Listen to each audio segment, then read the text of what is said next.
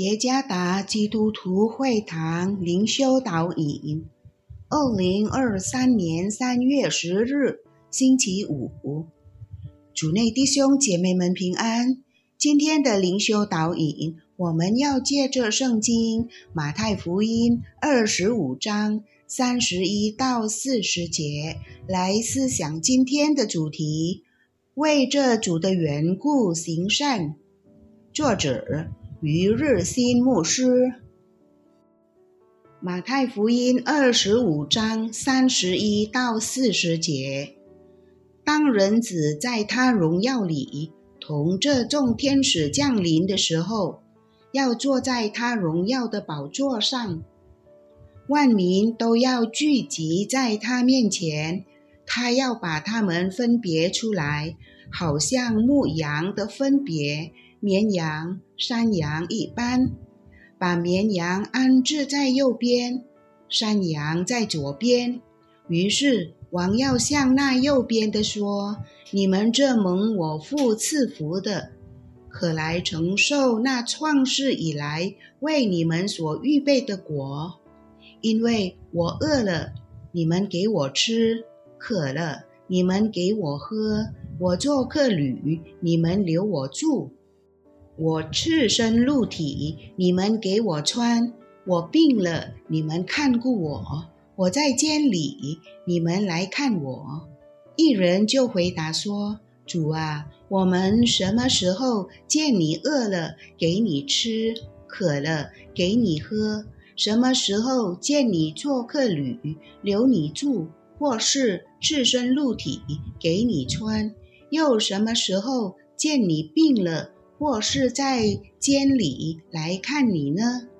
王耀回答说：“我实在告诉你们，这些事你们既坐在我这弟兄中一个最小的身上，就是坐在我身上了。”有一辆车贴着一张纸，写着：“今天必须行一件善事。”这是一个很好的劝勉吗？当然是好的，而且在上帝眼中是好的。今天的灵修经文告诉我们，为别人所做的一切，在上帝眼中都是宝贵的。无论我们为别人做什么，都意味着为耶稣做。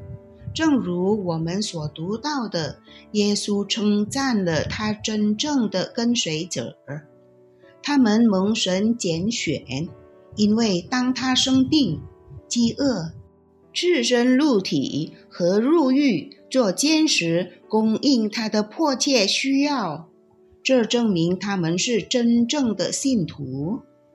然而，我们必须注意。一些好行为的动机背后，其实是为了自身利益，是属于暂时性质的。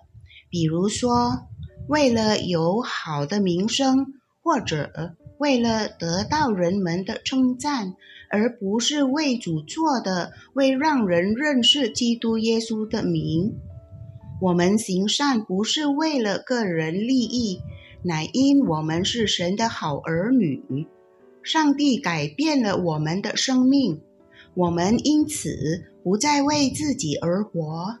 一位男士正走向办公楼，当他看到一个女士与他同时也正走向办公楼时，他为她打开了门。